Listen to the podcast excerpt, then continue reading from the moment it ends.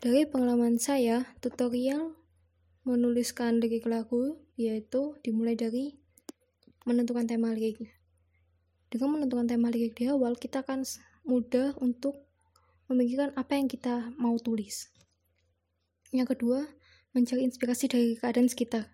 Kadang keadaan sekitar juga dapat membantu kita dalam menulis dan mengekspresikan keadaan sekitar kita yang sedang terjadi itu dalam kata-kata. Yang ketiga, memilih penggunaan kata yang pas. Setelah kita menemukan berbagai kata-kata, kita akan memilah dan memilih kata-kata yang pas untuk dijadikan sebuah lirik lagu. Yang keempat, membuat lirik. Yang kelima, membuat melodi. Membuat melodi ini tergantung dengan suku katanya. Mungkin ada yang kesulitan beberapa.